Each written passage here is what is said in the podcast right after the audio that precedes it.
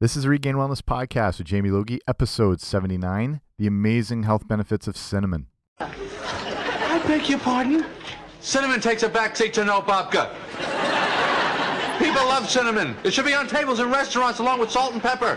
Anytime someone says, oh, this is so good, what's in this? The answer invariably comes back, cinnamon, cinnamon, again and again.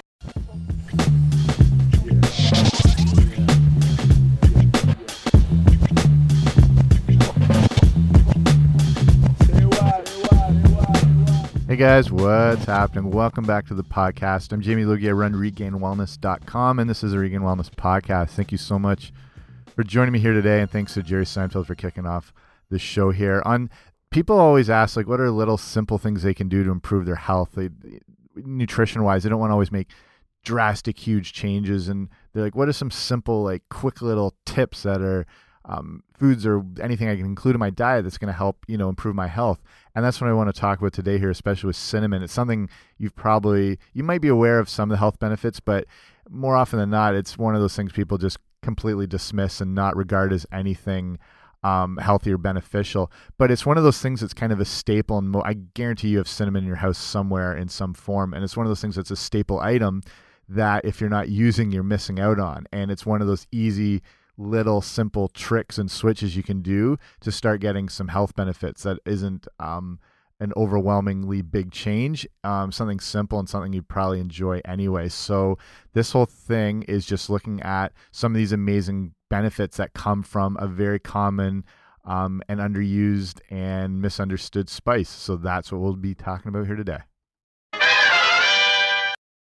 Okay and here we go. I was actually going to start off with some form of Spice Girls related joke and whatever, but that's just too easy to do. But here's a fun fact you know, the song Wannabe, obviously their breakout song, took only 30 minutes to write. Shocking, huh? You know, just deep, insightful lyrics, pure Shakespeare right there. So, talking about cinnamon, a little bit of the history, what it is, where it comes from, and how actually amazing it is for you and we'll get to all that. Basically, so cinnamon is a it's a tree bark technically. It's and it's a spice that comes from the inner bark of several type of trees, and they fall under that genus of they call it cinnamomum. And yeah, say that again, cinnamomum. And that's the species of tree. There's different varieties of it, whatever, and that's basically what cinnamon is. It's from the bark. Most commercial types of cinnamon come from related species, which are referred to as cassia, found in East Asia. And true, true cinnamon, if you're ever looking for it, is called cinnamon verum, and that's the purest, purest form. So that term, um, cassia, which was borrowed from Latin and ultimately Old Hebrew, it, it means a strip of bark. And our modern word cinnamon goes back to the Latin word cannella, which comes from the Greek word canna, which means tube, and it's used in the reference or used in reference to the way that cinnamon sticks. You know, when you see a cinnamon stick, it would curl up when dried. So that's what they're kind of referring to. It's kind of the tube of bark, and that's what cinnamon is. And it's been a valuable commodity for eons. I mean, it's been referenced as being imported into Egypt as far back as 2000 BC. It's just one of those, uh, you know, spices and you know those commodities that have been around as long as kind of our modern civilizations has. As, as soon as they started finding valuable things and valuable um, flavors and taste and, and realizing those things could be used for trade and money. Cinnamon was always right there. It was so highly prized in ancient uh, sorry ancient nations that it was treated as a gift only fit for monarchy or gods or anything like that. So you can imagine what they would have thought of uh, the Spice Girls at that point. Basically, many cultures have had cinnamon as part of their customs and practices, including so you got the Greeks who would use it to flavor their wine, along with they would use a, a form of an absinthe wormwood, and those two things would kind of combine their form of wine. So again, the Egyptians they would use it. Uh, they would make aromatics used for for burning out of it, and it would be used as gifts, like I said, and you know along with things like incense and myrrh to the Hellenistic rulers. It's referenced quite extensively in the Bible as a, you know for use in anointing oils and incense and it's used in you know the temple services in jerusalem um, it's got a big history i once bought my sister some for christmas you know it's just all over the place with the the I, the idea of trading and and how the the world's kind of trade routes opened up. The Portuguese trader traders who landed in Sri Lanka in the early 16th century set up production and dominated the world's cinnamon production for around 100 years. Then the Dutch took over the production area and then further increased the amount of production because of the vast quantities that existed out there in Sri Lanka.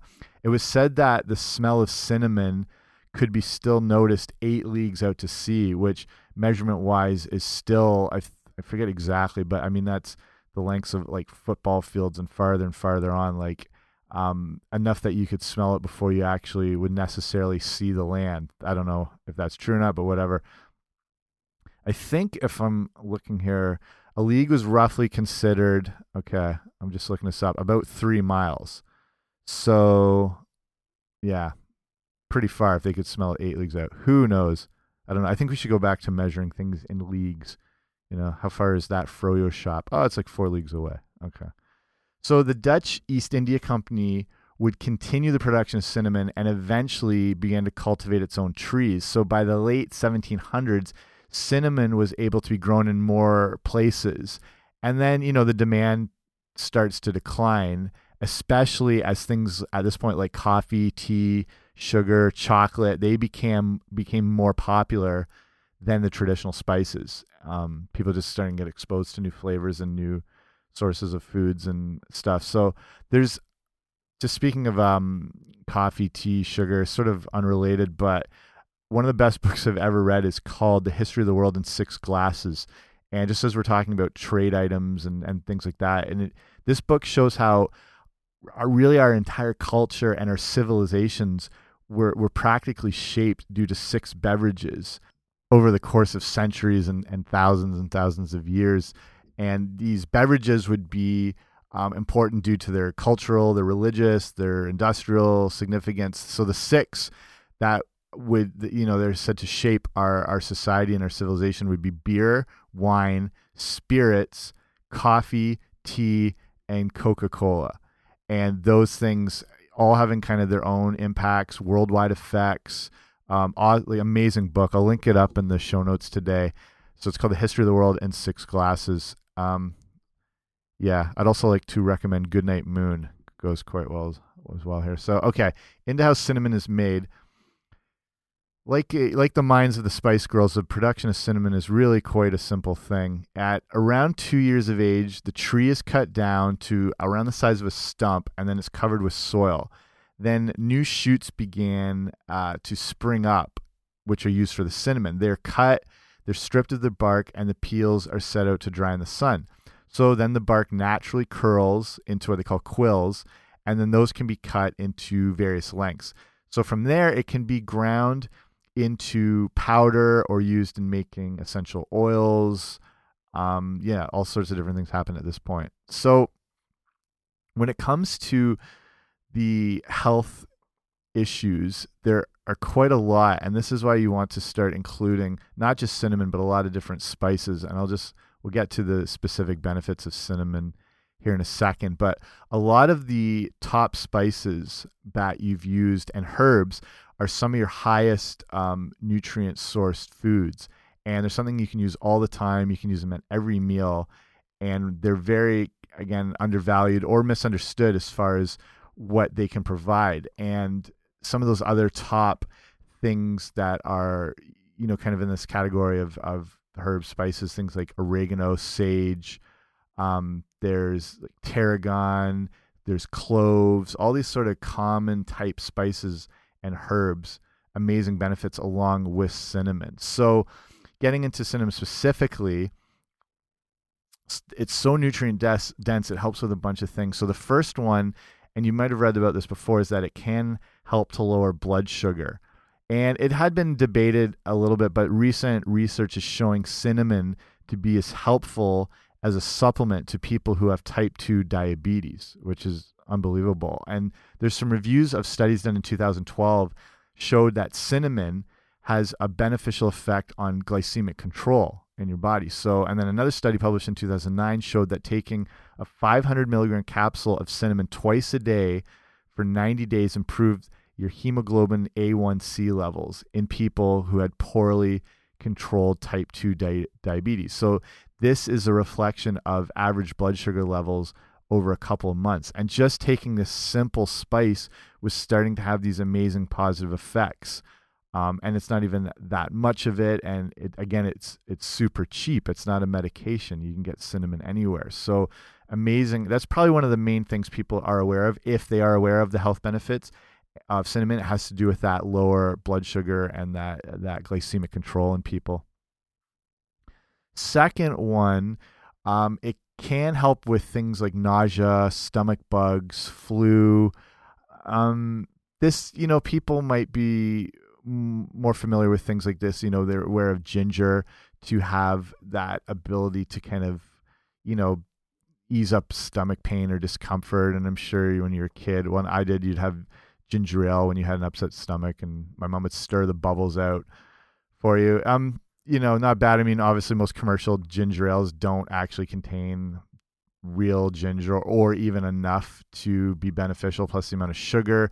But if you do take actual ginger supplements or gin like actual fresh ginger that you can grate and then you can squeeze the juices into water or tea can really help with nausea things like that so cinnamon is similar to ginger in this regard but it looks to actually be even more powerful when it comes to stomach issues so Cinnamon is effective for this as it is a super powerful antibacterial um, source, just like ginger is. And it has also, like ginger, has great antimicrobial effects, especially when it comes in the form of an oil. So it's cinnamon has been used in this form for centuries, especially in Chinese medicine for its antivirus properties. Um, and again, it looks to be more powerful than ginger in this regard. So I would say the best way to consume it is in tea form. So you can find, you know, ready-made tea versions that have cinnamon. You can add in your own cinnamon. Um, lots of different ways to do it. So here's an interesting one too. With the benefit of cinnamon, is it may fight osteoporosis and arthritis, and so there's this. Uh, nutrient called manganese, which is a very important nutrient in the body. It's a trace mineral that is found in the body in very small amounts in your bones, in your liver, in your kidneys, also in your pancreas. It's very important in the formation of, you know, your bones, your blood, connective tissue, and it's because of this that is why manganese is important in combating conditions such as osteoporosis and arthritis. It's very effective at that. So, the University of Maryland, the medical center there, reveals that because manganese is required for optimal bone health, those who are deficient in it are more likely to develop osteoporosis.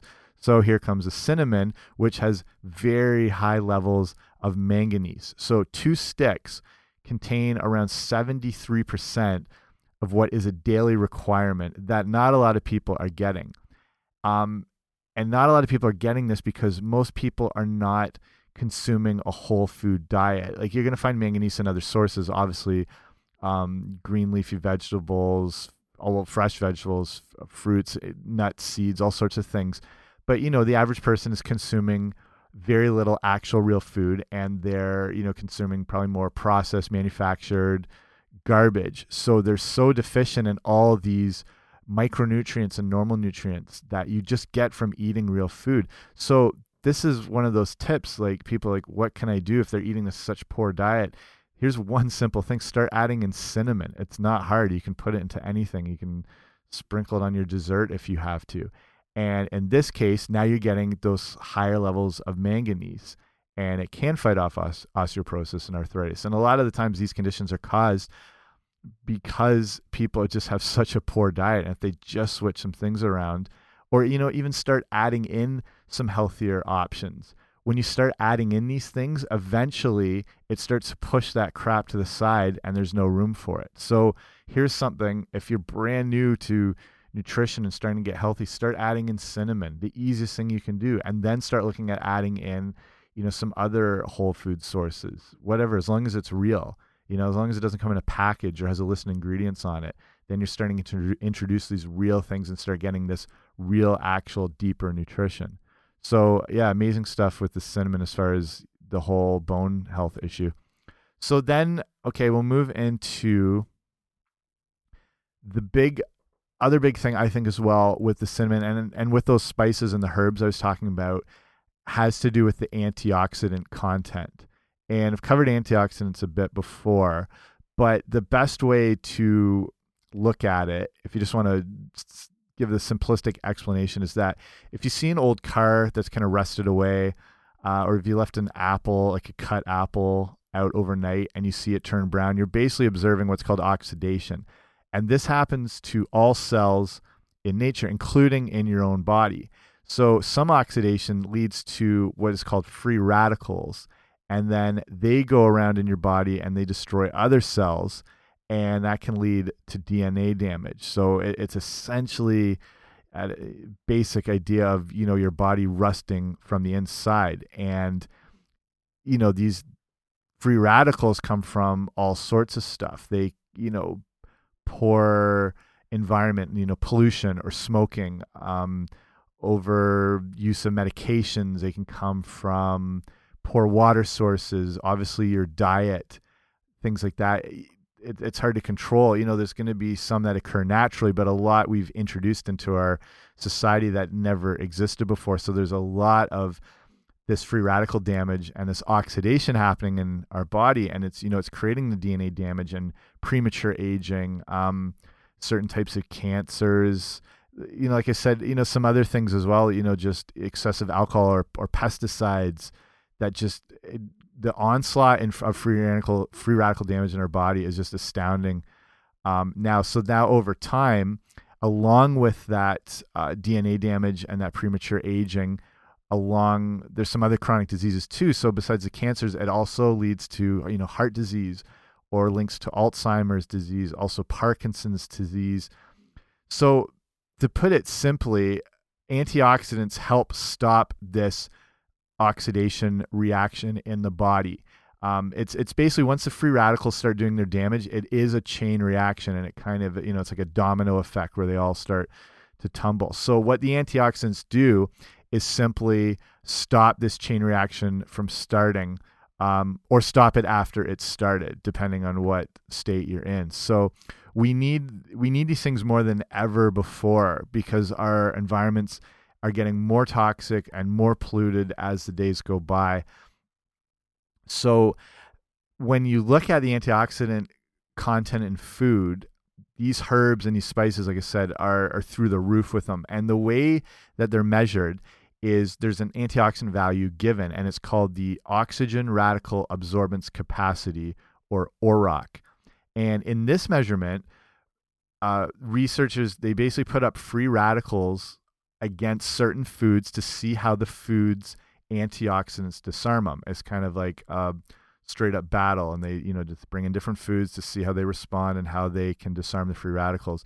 And then they are assigned a value based on how powerful its disarming ability is.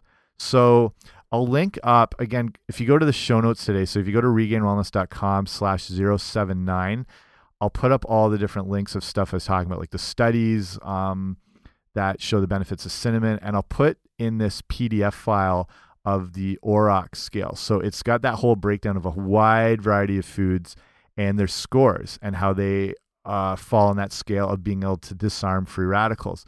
So cinnamon ranks as one of the world's top seven antioxidant foods. Um, and again, some of those high, high scoring ORAC foods again are the the herbs and the spices, specifically, you know, cloves, like I mentioned, sage, oregano, um, huge in there. Another big one, another huge one on the ORAC scale, dark chocolate, which I've covered before. So I recommend you listen to that episode, and I'll link that up too. So um, again, amazing benefits from dark chocolate. So there's another thing you can add in very simply. It doesn't take a lot of effort, not super expensive, and can start getting you some great health benefits. Dark chocolate is primarily at least 70% cacao, ideally up to 90. There's some people who refuse to go over 70, not mentioning any names, but when you get at least 70, you want to look, you know, maybe 85, 90 the higher it is, the more bitter it is. That's that higher antioxidant content, and the more nutritious nutritious it is for you. So, um, yeah, start if if you've never had dark chocolate before, start slow and work your way up. Start with like a 50% one or a 60%, 70 and start building it up. And the other benefit when you eat that super dark chocolate like the 90% stuff is you don't first it's as it is an acquired taste, eventually you'll you'll really come to like it and you'll find yourself not even liking, you know, regular milk sugary chocolate crap because it just doesn't have that real deep chocolate flavor. And it doesn't need you don't really need that much of it to actually kind of satisfy that sweet tooth feeling. It, it's so it's so incredibly rich that this super dark chocolate can really stave off you know sugar cravings and you don't end up over consuming so moving into another awesome health benefit of cinnamon is that this is very interesting it may combat depression as well as reduce irritability while enhancing your mood, which you would not think of with something as simple as cinnamon. So there's been an association connected between gut bacteria and depression, and that certain types of gut bacteria have been observed to cause issues with depression because there's a connection between the gut and the brain. And we're really becoming incredibly aware of how powerful the gut is. And basically it can almost be considered a second brain because you've heard of different neurotransmitters, um, things like tryptophan and serotonin, and you know they're related to mood, things like that. And two thirds of those are actually produced in your gut. So that's why it's so important to have a healthy gut, and you know avoiding a lot of um, again, you know, fake foods, manufactured, processed garbage um, over reliance on things like antibiotics and you know poor water and too much sugar and all that sort of thing is and in that situation you start feeding the bad bacteria in your gut and that's kind of creating a lot of the desires in your body. It's one that's when you're craving a lot of sugar. It's sometimes because that harmful bacteria in your body is wanting more and more of the sugar and it's dictating your food cravings so when you avoid a lot of that other crap and start introducing in real fresh and whole foods and, and things like that, you start feeding the good bacteria, especially if you can eat a lot of things that are um, fermented foods like um, kimchi and sauerkraut and kombucha and things like that. And they feed the healthy gut bacteria. And then that can help, you know, with a positive effect with not just your digestion, but your overall um, sense of health and, and, and cognitive health and everything like that. So there is a nutritionist named Chris Kresser who's from chriskresser.com. And I'll link up. He's got an article, really great article, on how many terrible conditions come from a dysregulated gut, um, like that gut flora. So, what does I'll link that up to um, on the show notes today. And so, what does this have to do with cinnamon? Okay, so because cinnamon is a strong, uh, you know, we mentioned it's a stomach antibacterial. Um, it basically can help in removing bad bacteria in the gut. And it has been observed that it can remove some of the good bacteria. So you'd be wise in in general anyway to consume some of the fermented foods again or probiotics that will help repopulate the good bacteria. So it's yeah, so cinnamon it, it has its role to play in the healthy gut. So you just have to be a little careful because, like I said, it removes a little bit of the good while it is removing the bad bacteria, which is a great benefit. So then, if you can be, you know, having cinnamon, you know, here and there, but then combining it with some of those fermented foods I mentioned, like the kombucha and the sauerkraut and pickles and every or, and everything like that, uh, kefir as well, that you will be repopulating that good bacteria while the cinnamon is doing its thing and fighting the bad bacteria. So a good combination right there. Okay, so that's what cinnamon can help with, but how much is best? And there's been some debate on how much is beneficial and then to be careful not to consume too much on a daily basis. And if you're familiar with Dr. Joseph Mercola, he's got a really interesting article on the Huffington Post and he recommends half a teaspoon a day to get all these great benefits from it. Um, I think this is a pretty good rule of thumb to go by. You don't want to overcomplicate things of, uh, you know, focusing on too much uh, specific measurements and too much, you know. So the, Mercola, they do a lot of really good research. Um, they are really his him and his whole team and everything really devoted to the you know the most current and best nutrition information. So I would say that's a pretty decent, again, rule to go by is that half teaspoon of day. And again, it's super easy to add into your diet. You know, I mean, half teaspoon is nothing. So, um, so some of the best uses, uh, like we mentioned before, those of you who are tea drinkers, you're probably big on cinnamon already, and now you want to may incorporate it even more. So you can simple things like adding in cinnamon sticks to hot beverages is great, as well as if you can find some pure cinnamon extract um, oil, just you know make sure it's uh, you know can be consumed. You, you can add it to enhance drinks. The downside with cinnamon is it tends to be used in desserts which contain a lot of other undesired ingredients. So it does become a little bit tougher to find uses for it. It's like primarily cinnamon is used, you know, in these sweeter desserts and treats and whatnot. But cinnamon is very popular in Indian cooking and it can really enhance savory dishes. So that's another good place to start. Start looking into Indian food is if you're not big on it, it's it's amazing to me. It's like it's you know with Thai food and they they use these simple kind of core ingredients in all the dishes. Um, and you once you kind of learn those, you can create dozens and dozens sort of offshoot versions and they're it's they're simple things. They don't contain tons of different ingredients.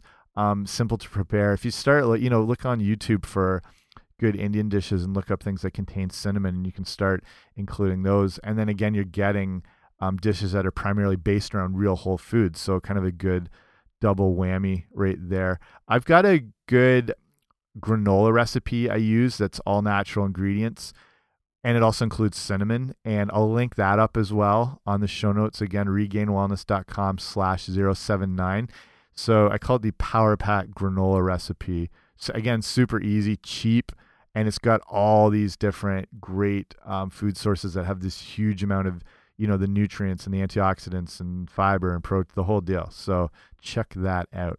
Okay i'm gonna wrap it up there. I didn't think you could but you didn't think I could go almost 25 minutes here talking about cinnamon, and who knew that one little spice could be that powerful and that beneficial.